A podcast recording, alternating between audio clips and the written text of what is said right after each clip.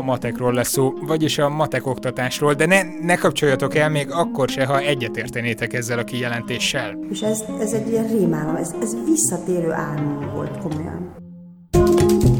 Ugyanis nem kizárt a szemléletváltás. A matematika az valami, valami költészet. Líra.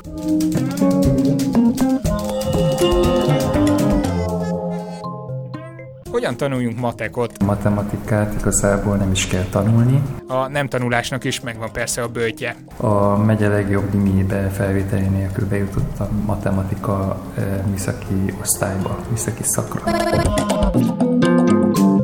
De ha egyeseket sikerült ilyen jól ráterelni az útra, akkor másoknál vajon mi megy félre? Nehéz lenne újra mutogatni bárkire, vagy megnevezni a felelősöket. Matek tanároknak és képzőművészeknek tettünk fel három nagyon egyszerű kérdést az élményműhely rendezvényén. Volt-e aha élményük a matekkal kapcsolatban?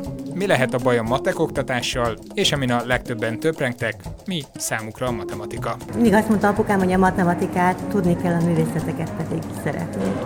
Sziasztok, én Robi Laci vagyok. Én pedig Habci.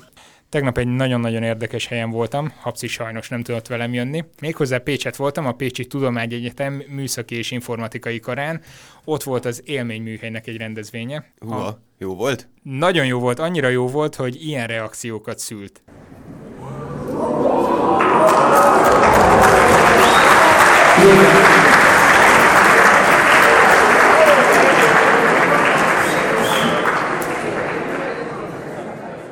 Ez egy matematika előadás után hangzott el. Uh-huh. Neked mi a matek, Habci? Fú, ö, nekem a matek egy nagyon távoli és nehéz dolog volt gimibe. Jártam is külön órára sokat, legalábbis köteleztek rá, hogy menjek kellett az érettségihez. Ö, Én is. De nem mondanám, hogy ilyen nagyon jól ment nekem egészen addig. Egyetemen viszont meglepő módon megszerettem és, és tetszett. Főleg szerintem inkább azért, mert a biológiához kötődő matematikai modellek, meg, meg, meg ilyesmik, azok valahogy bejöttek, és jobban tetszett, mint, a, mint az általános, általános matekos dolgok. Úgyhogy, úgyhogy az a része jó volt. Sőt, ötös is voltam matek egyből. Oha. Matek kettő mondjuk négyes, de az első az jó volt. Az élményműhely egyébként pont azt tűzte ki célul, hogy egy picit változtassunk vagy változtassanak a matematika oktatáson, a matematikához való hozzáálláson. Mert erre szükség is van szerintem. Valószínűleg szükség lenne rá, ugyanis én mindig azon gondolkodtam középiskolában, amikor tanultuk azt, hogy a hét szabad művészet egyike a matematika, hogyan lehetett valamiből, amit úgy tartottak, hogy ez egy művészet, egy, egy nem tudom, egy nagyon inspiráló dolog, Aha. hogy lehetett ebből egy olyan dolog, ami fölött aztán diákoknak a tömege görnyed, és nem érti, hogy mi a frászért kell ezt az egészet tanulni. Nyilván van egy hatalmas gyakorlati haszna a mateknak, de valahogy nekem sose állt össze ez a kettő. Úgyhogy az élményműhelyesek azt csinálják, nem biztos, hogy ebből a megfontolásból, de azt csinálják, hogy megpróbálják házasítani a művészeteket, illetve a matematikát, és ezt a kettőt próbálják meg egy kalap alá hozni, és tényleg élményszerű. Minden, mindenképpen enyhít a szárasságán, hogyha nevezhetjük így a, a dolognak egy kicsit, hogyha a művészeti oldalról próbáljuk ezt megfogni. Így van, ö, nagyon sok foglalkozás volt, diákok, 300 vagy 350 diák Csű, volt beterelve voltak. a nagy előadóba, utána fellettek osztva kisebb csoportokra. De ők ne- gimnazisták voltak, ugye? Gimnazisták voltak többnyire, nekem is volt egy foglalkozásom. Igaz, csak szegről végről kapcsolódott a matematikához, ilyen kartongépeket kellett csinálni, és Inkább azokkal történetet műszaki. elmesélni. Hát nagyon műszaki egyébként, annyira kreatívak voltak, hogy ez zseniális, olyan gépek születtek. Mi, volt a, mi volt a legjobb? Meséltél nekem egyet a műsor előtt. A... Igen, ami nekem nagyon tetszett, különböző csoportok voltak, nem is nagyon ismerték egymást a diákok a csoportokban, lehet, hogy ez fogta vissza őket először, és azt adtam nekik feladatul, hogy meséljenek el egy történetet egy gép segítségével, Aha. egy olyan gép segítségével, amit ők raknak össze kartonból. Tehát az összes meghajtás, meg minden az, az kartonpapírból, szívószából, meg ilyenekből Majd berakunk képet róla, Majd berakunk képet, nagyon viccesek voltak.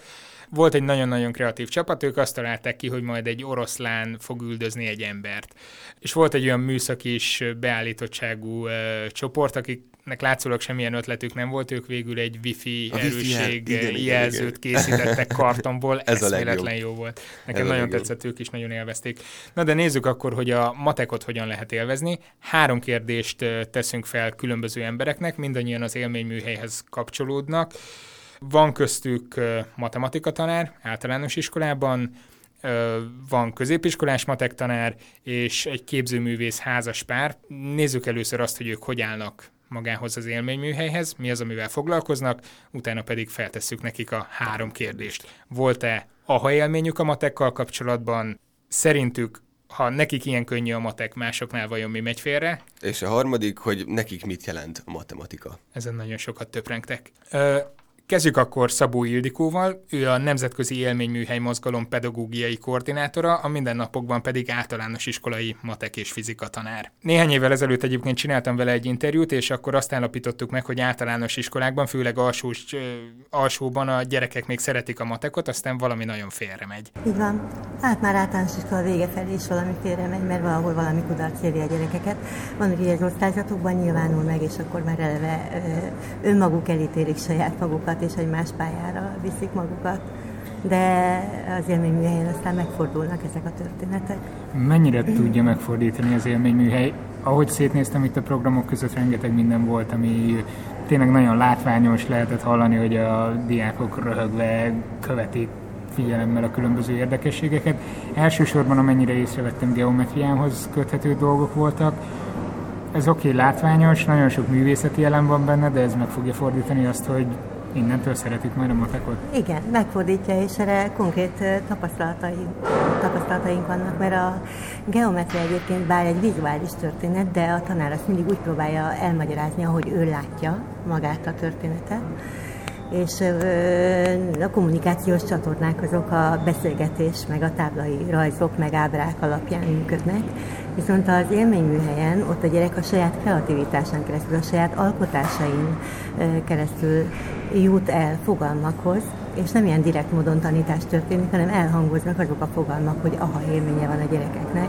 És egy visszaköszön vagy úgy, hogy egy múltbeli fogalom, ami nem volt tisztázott számára felismerté válik, vagy pedig majd a jövőben fogja hallani, és én ezt már megcsináltam. És ami nagyon érdekes, hogy gyakori jelenség az, hogy tényleg akik matekból gyengék, és rajzból, művészetekből nagyon fogékonyak, meg kreatívak, vagy akár humántárgyakból. Ők a csapat élére állva vezetik a, ezeket a projekteket. Felteszek egy kérdést. Ugye mondtad, hogy nagyon fontosak ezek az inspirációk művészeti vonalról a matematika oktatásban. Százalékszámítás, egyenletrendszerek, hogyan kapcsolódik Jó. Például van ez a Zomtul tudományos modellezőkészlet, amit a zomtulosok különböző biológiai modellek és bonyolult geometriai struktúrákhoz alkalmaznak viszont olyan magának az eszköznek a, a felépítése, olyan struktúrájú, olyan arányú pálcák vannak ott, és olyan gömbök, ami másra is alkalmas. És én például az arányossági függvényeket ezzel tanítom vagy a százalék számítást ezzel tanítom, hogy egy olyan konkrét probléma felvetés, például a csempék és különleges csempészesek vannak, hogy teljesen belehelyezzük magunkat, a, nem elmesélem, hogy képzeljük el, hogy milyen volna, hanem azt mondom, hogy, hogy csempézzük már le ezekkel az adott csempékkel ezt a tantermet másmilyenre, és akkor mindenki elindul, és számol, és csinálja, és önkéntelenül, tehát maga a gyakorlati szituáció az adott, és nem egy mesterséges, reált modellezésről zajlik a tevékenység. Tehát kevésbé absztrakt Semmi abstrakció, tehát mindig egy adott konkrét gyakorlatközpontú, probléma megoldó, probléma felvető, problémákat el lehet vinni más irányba. Tehát nagyon fontos, hogy bár nekem van egy, egy rejtett szándékom, hogy hova szeretnék eljutni, de a tudásban, de a gyerekek, ha hagyom őket, egészen más irányokba elvisznek, és lehet, hogy egy teljesen más, magasabb szintű tudáshoz is eljuthatunk. Nem nehéz kordában tartani őket? Nem, mert fizikatanár is vagyok, és ugye fizikában pedig a laborgyakorlata minden órák kelléken, mindig kísérleteznek a gyerekek. Ott elszórakoztatom én magam, hogy bemutatom a kísérleteket, ők meg magukat, hogy próbálják, csinálják, méréseket végeznek, aztán képleteket beértesítenek, gondolkodnak, tehát játék. És mennyire tudod egymásra építeni a matematika órákon átadottakat, illetve a fizika teljesen, órán átadott Teljesen, mert ugye összehangolhatók? Szerencse, egy ilyen innovatív intézményben dolgozom, ahol azért szabad átjárás van a tanórák között, és miután után tanítok matekot és fizikát is ugyanabban az osztályban különböző évfolyamokban, például egy kupola építés, Olyankor már nem matek meg fizika óra van, és nem 7. és 8. osztály, hanem valahogyan megszervezzük, azt előkészítjük, és a gyerekek akkor kupolát építenek, miközben abban azért a vektorokkal is tisztában kell lennünk, erőviszonyokkal, meg számolni is kell, hogy milyen háromszögekből és hogyan épül fel az az újságpapírból elkészült stabil kupola. Hogy néz ki nálad egy házi feladat? Nincs házi feladat. Nem adsz házit, együtt Nem csináltok adok. mindent órán? E, ajánlásokat teszek, Uh-huh. e, lehet kutatni, e, bármit hozni, matekból is, fizikából is. Persze azokat így jutalmazom. A szülők hogy állnak ehhez például? E, nagyon gyakran volt nálam olyan otthon, hogy hazamegyek, nem csinálok látszólag semmit, nyilván nagyon-nagyon elfoglalt voltam, de a szüleim megkérdezték, hogy mi van, nincs házi. Egyrészt örülnek, hogy nem kell otthon mellé tenni és kínlódni és segíteni, mert az egy teherés nyűg gyakran a szülők számára.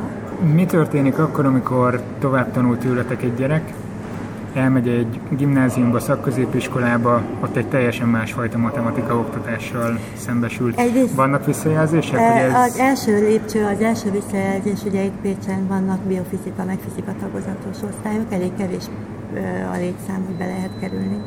És a diákjaink közül minden évben 9-10 gyerek a 30 fős, 20 fős osztályba előfelvételi alapján bekerülne, és számomra ez egy nagy sikerélmény egyrészt. Másrészt pedig azért ebben a nagy szabadságban azért nagyon-nagyon fontos számomra, hogy megtanulják azokat az algoritmusokat, és azokat a fontos alapvető műveleteket, vagy azok, azokat a fogásokat, ahogyan képleteket alkalmazunk fizikában. Ezek nagyon-nagyon fontosak számomra. Mindig-mindig eh, kell, hogy társítsuk minden tevékenységet, vagy közben, mint felhasználó, vagy végén, mint következtető, de teljesen belemegyünk abba a hagyományos példatári feladatba, Uh-huh. csak más úton, és akkor a motiváció is teljesen más már. Én azt gondolom, hogy és a visszajelzések is jók, hát nagyon sok mérnök, orvos, de szakmában dolgozó diákom van, úgyhogy nagy Tudsz aki büszkeséggel. matek tanár lett? Hát nagyon sok matek tanár lett, nagyon sok mérnök, nagyon sok orvos, hát régen vagyok a pályán már. Igen, tudok róla. És akkor most jöjjön Szakszonszász János, képzőművész, aki egy nagyon érdekes dolgot is feltalál, de erről majd mindjárt beszél nekünk. Poliuniverzum az a te eh, szellemi terméked. Szellemi terméknek is mondhatjuk, valójában ez egy mű- művészeti melléktermék, ami... Melléktermék? Igen, igen, olyan jó értelemben, tehát nem úgy, hogy forgács és kisöpörjük vagy eltüzeljük, hanem a geometrikus festészetben egy sajátosságot alakítottam ki a természeti megfigyelések révén. Ezt a léptékváltásos szimmetria rendszert figyeltem meg a természet működésében. Ennek megvan a tudományos matematikai vonatkozása és fraktálgeometriának ismerjük, de még különösebben abban az időszakban, tehát több mint 30 éve, mikor még a pályámat kezdtem, erről nem lehetett hallani egyetemi szinten sem, szakirányú képzéseken sem. Különösképpen is a az első magyarországi publikációk is jó 10-20 évvel később jelentek meg, mikor én már ezt elkezdtem művelni, és olyan módon, hogy a geometrikus alapformákat alkalmaztam erre a megfigyelésre, és a, a közepes, a kicsi és a nagy forma kapcsolatokat kerestem, és ebből építettem föl kép struktúrákat, vagy téri alakzatokat. Alapformákról van szó, tehát a három alapformára épül a, a, a játék, és a, a hozzá kapcsolódó teteség felosztás során létrejött alapszínekre. Úgy lett belőle játék, tehát először ezt festményobjektként készítettem el, és úgy, úgy lett belőle játék, hogy a, a felosztott csíkmezőhöz rendelt színek, ugye négy felületet kaptam, mindegyikhez rendeltem egy alapszínt, és megfestettem.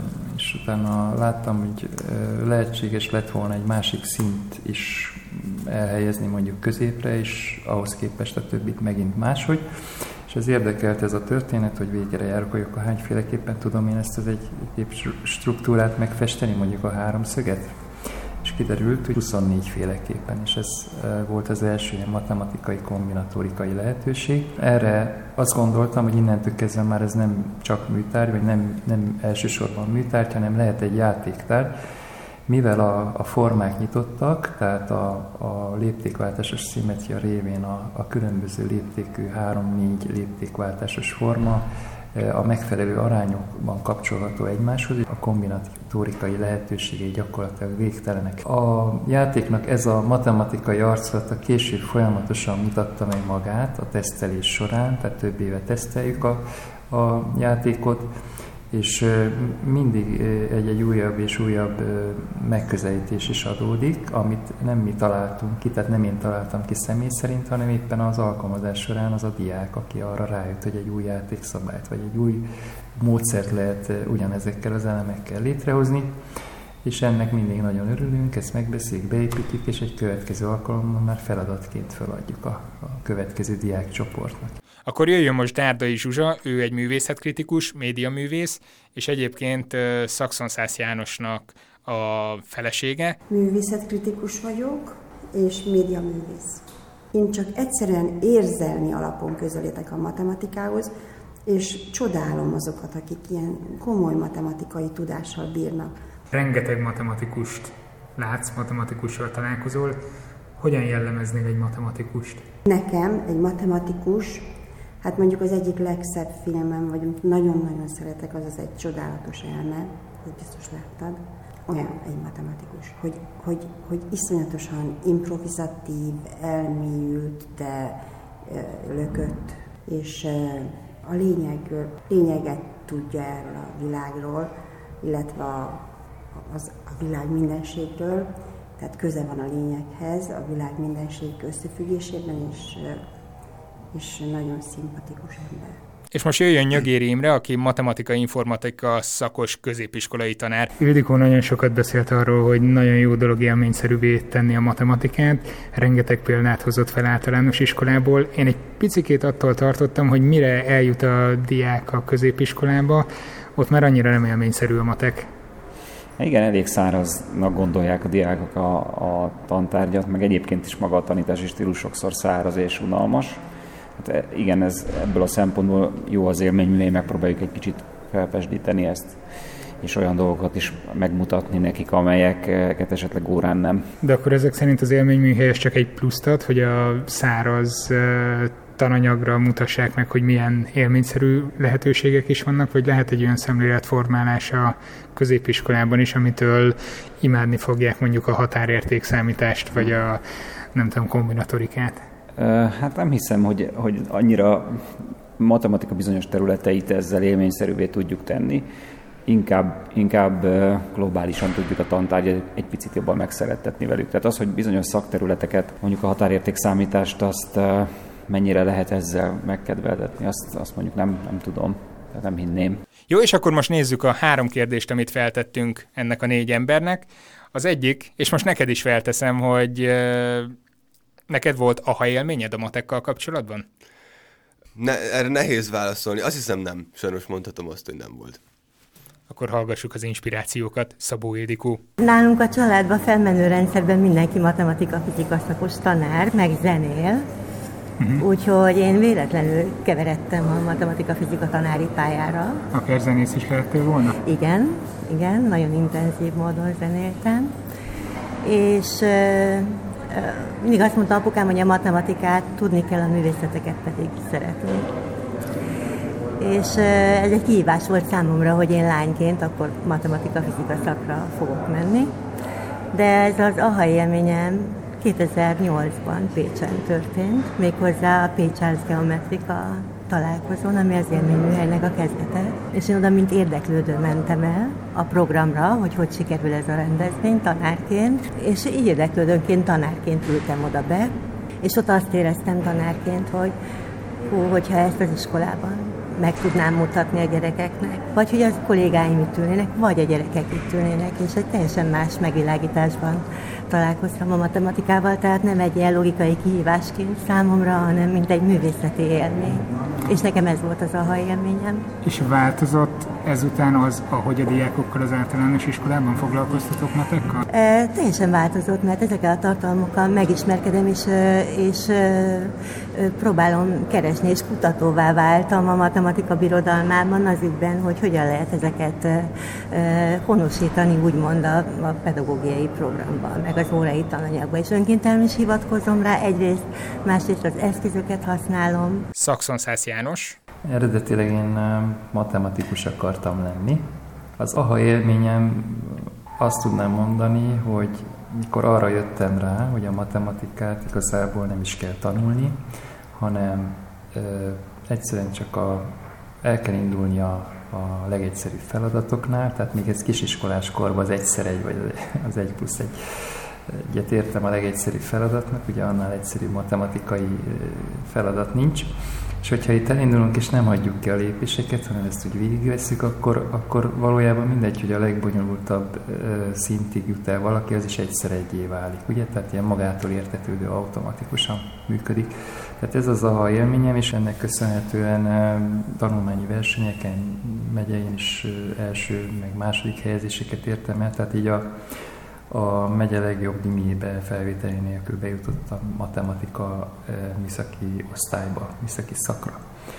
És hogy miért nem lettem mégis matematikus, ez egy fordított aha érzés volt, mert közben olyan fajta kétségeim támadtak, ami a, épp a, az axiomák körül van, hogy például a pont meghatározása, és ugye a pontra igazából nincs válasz, különösebben a matematika axiomának értelme, az azt jelenti, hogy nincs kiterjedése és kész az, amihez fogad és akkor erre épül minden. És ez úgy megdöbbentett, mert szerettem volna ennél összetettebb választ kapni, kielégítőbb választ. Ezt igazából a matematikában nem kaptam meg, és próbáltam később a művészetbe keresni a választ, és akkor itt a kettő között végül a művészet mellett döntöttem, mint pálya. Dárdai Zsuzsának volt aha élménye a matekkal kapcsolatban? Igen, de későn, éppen, hogy én is azokhoz tartozom, akik fiatal korukban nem kötöttek különösebben a matematikához, miközben a zenéhez igen. És nagyon sokáig azt álmodtam, hogy egész évben iskolába járok, nem tudom, hogy közép, vagy általános, vagy egyetem, és nem járok be a matematika órákra, és a év végén ki fognak hívni, és jegyet kell adni, de én semmit nem tudok. És ez, ez egy ilyen rémálom, ez, ez visszatérő álmom volt komolyan. De ez nem egy iskoláskori rémálmot, hanem nem, ez később? Még, igen, későbbi, egy folyamatos rémálmom az elmúlt időszakokban, és ugye tíz éve kb., hogy a poliuniverzum létezik, és e, ennek kapcsán, vagy hát emiatt egyre inkább olyan programokon veszek részt, amelyeknek köze van a matematikához, ez az élményműhely is például, de maga a játék olyan kombinatórikai összefüggéseket tartalmaz, hogy nem véle, szóval muszáj volt ezzel foglalkozni, még ha a legelemibb szinten is, hogy egyre inkább érdekelni kezdett ez a terület, és aztán nagyon sok jó fejemberrel ismerkedtem meg. Van ez a Matematika Múzeum Budapesten, matematikusok járnak oda, barátaink, akkor kimegyünk a Bridges-re, a világ bármely táján, amikor Bridges van. A Bridges szervezet célja, hogy a matematikát, a képzőművészetet, a zenét és a tudományokat összekapcsolja. Minden évben szerveznek egy nagy konferenciát, ahol a különböző területekről érkezők hatnak egymásra. Tehát annyira belekeveredtem a művészettudomány kapcsolatába, mint szervező, hogy óhatatlanul a, egyszerűen a, a, a szeretetem köz, a szeretettel közeledek a matematikához, a matematikusokon és az adott élményeken keresztül. Ez a viszonyom hozzá. És Nyögéri Imre. Neked személy szerint volt aha élményed, amikor rájöttél, hogy fú, a matek az tök izgalmas? Persze, nekem többször is volt. Hát voltak az egyetemen meg a főiskolán bizonyos tantárgyak, bizonyos órák, amik, amiket jó volt hallgatni, és ott, ott hasznos dolgokat tanult az ember, meg a tanítás során is vannak ilyenek, amikor mondjuk egy adott problémát többféleképpen meg, meg tudsz közelíteni, és akkor azt tudod tanítani ezzel a gyerekeknek, hogy a probléma megoldása fontos, és az, hogy milyen úton jutok el a probléma megoldásához, az lehet különböző. A másik kérdés az volt, amit feltettünk, hogy vajon mi mehet félre a matekban nálad, mi ment félre, Habci?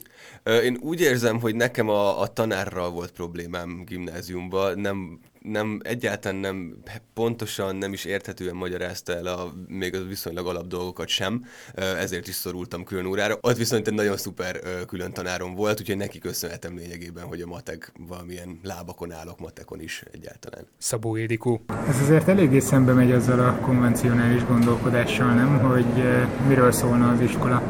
Hát mert szerintem az iskola nem arról szól, az iskola inkább arról szól számomra, hogy oly módon kell felszabadítani a, a gyerekeket és a kreativitásukat, hogy közben okosan, együtt a tanárral együttműködve, és a tanár nem mint egy vezető személy, hanem, hanem teljesen mellé rendelve működik együtt, és ebben a matek és a fizika egyébként jó. Én azt gondolom, hogy ezek az exakt tudományok pontosan a szabadságra adnak lehetőséget. Szakszon Szász János. Van tippet, hogy miért fordulnak el az emberek a matematikától? Hát szerintem az a bizonyos aha érzés nem jön el náluk az elején, a leges legelején, mert esetleg rosszul indulnak, nem feltétlenül a gyerek tehet róla, hanem valahogy a pedagógia vagy, vagy a bevezetés. És ugye mivel kimaradnak lépcsők, üres lépcsők, akkor már nem áll össze az egész. Hogyha kimaradnak ezek a lépcsők, az olyan, mint hogyha egy olyan létrán szeretnék följutni valahová, ami vannak ugyan fokok, de nincs meg mind, és nem tudok akkor átlépni. És akkor ugye egy olyan lemaradás van, és egy elfordulás a matematikától, hogy már behozhatatlanná válik, pedig csak egyszer egyről van szó. Tehát mindjárt az elején el lehet szúrva. A másik pedig pont annak a hiánya, hogy direkt akarunk matematikát tanítani, talán a, pedagógiai módszertan rossz, és kevés, kevés játék elem vagy játék lehetőség van belevive, ami ugye az élményműveinek az egyik feladata, hogy élményszerűen, játékosan akarja a matematikát, vagy az ehhez kapcsolódó geometriai tárgyat vagy tudást átvinni a gyerekeikbe, hogy egy olyan élményük legyen, ami amiből már ki tudnak indulni, és megszeretik, tehát a szeretet és a ragaszkodás és az odafigyelés. Akkor most jöjjön Dárda Zsuzsa. Mi a baj a matek oktatással? Komoly baj van. Hogyha egész pici kortól egymásra épülnek azok az építőkövek, hogyha nem veszíti el a fonalat, mert a tanár éppen olyan, hogy hogy hagyja elveszni azt a fonalat, vagy nem élményszerű, vagy nagyon csak nyomja az elméletet, és nem figyel oda, hogy lemarad. Nyögéri Imre. Miért veszítik el a diákok az érdeklődést? Általában alsó tagozatban imádják, felső tagozatban kezd félremenni, ezt Ildikó is alátámasztotta. Az oktatási rendszer a bűnös, nagyon nagy a tananyag, a terhelés a diákokon, vagy egyszerűen egy megközelítésbeli kérdés? Hát most itt nehéz lenne újra mutogatni bárkire, vagy megnevezni a felelősöket. Szerintem az oktatási rendszerben mindenképpen vannak hibák. De az, hogy, hogy ez mikor dől, vagy mikor derül ki, vagy mikor dől el, azt nem tudom. Tehát nekem sok olyan tanítványom van gimnáziumban, aki már el, úgy érzi, hogy el van veszve, tehát általános iskolában valahol elveszítette a fonalat, és hiába próbálna megtanulni a gimnáziumi anyagot, ezek miatt a hiányosság miatt hiányosságok miatt már nem tudja a mozaikokat a helyükre tenni. Tehát hiányoznak az alapokban lépcsőfokok, amiket átugrott valahol? Szerintem hiányoznak. Igen, mert, mert a, a történelmet, ha megnézed, ez egy lineáris folyamat, tehát hogyha nem tanulod meg az egyik korszakot 9-be, attól még 10 lehetsz 5 vagy 11 egy tök más terület, már más tanul, de matematika az, az spirálisan épül, és mindig vannak visszatérő pontok, amikor ugyanazt tanulja, csak már egy magasabb szinten. És hogyha kimaradtak az alsó építőkövek, akkor már nem tudsz vele mit kezdeni. Lehet ezt utólag korrigálni? Lehet, de nagy munka, idő sincs rá. Erre nem tudsz visszatérni, mert külön kellene foglalkozni akkor ezekkel, vissza kéne mindig nyúlni, de nem tudsz már visszanyúlni. Az utolsó kérdésünk pedig, hogy mit jelent a megkérdezettek számára a matematika? Habci, neked, mint megkérdezettnek, mi a matematika? Nekem a matematika Öm, érdekes posztok keresése a szertárra, illetve egy cikk, amin éppen dolgozok, ez is matekkel, matekkel kapcsolatos. De meghallgat, majd meg tudják majd, el tudják majd olvasni a hallgatók nem sokára. Tök jó. Szabó Édikó. Neked mi a matematika? Nekem a matematika egy egy gondolkodásmód és egy stílus, de beleértve nagyon-nagyon erőteljesen a művészeteket. Szakszon Szász János. Számodra mi a matematika? Hát most megfogtál. Mert valójában eddig arról beszéltem, de hogy mi a matematika. Nekem a matematika szerelmem volt, tehát egészen a gimiig. Akkor úgy középiskolában, hogy a matematika a tudomány királynője. A matematika szerintem egy ön, önmagát felépítő tudományág. Én javasolni tudom mindenkinek, hogy ne hagyjon ki egy lépcsőt se, és az erre felelős pedagógiai iskolai rendszernek pedig az, hogy jó, jó legyen a kezdés már kicsi korban a gyerekek felé. Tehát ez egy felelősség. Akkor most jöjjön Dárda is, Zsuzsa. A matematika az valami, valami költészet, líra. Velővágóan logikus, tiszta. Én így képzelem, én így gondolom. Nyögéri Imre. Neked mi a matematika? Hát egy olyan eszköz, ami a mai világunk működését leírja, modellezi. Hát ez volt az a három kérdés, amit feltettünk matek tanároknak, illetve képzőművészeknek. Ö, nagyon érdekes hozzáállás. De ti is írjátok meg nyugodtan a élményeiteket, tapasztalataitokat, vagy véleményeteket a matematika tudományjal kapcsolatban. Volt-e aha élményetek, vagy, vagy egyéb valami, ami meghatározó volt az eddig életetek során? Meg hogy szerintetek hol megy félre, illetve hogyan lehetne javítani ezen az egészen. Nagyon kíváncsiak Kíváncsian vagyunk. várjuk. Addig is iratkozzatok fel a Szertár Podcastre Soundcloudon, iTunes-on vagy a kedvenc podcast alkalmazásotokon. A Szertár egyéb tartalmai ott vannak Facebookon, Instagramon és YouTube-on. A felvétel pedig a Klub Rádió stúdiójában készült. Köszönjük nekik. Köszönjük, sziasztok! Hello! Ez a műsor a Béton közösség tagja.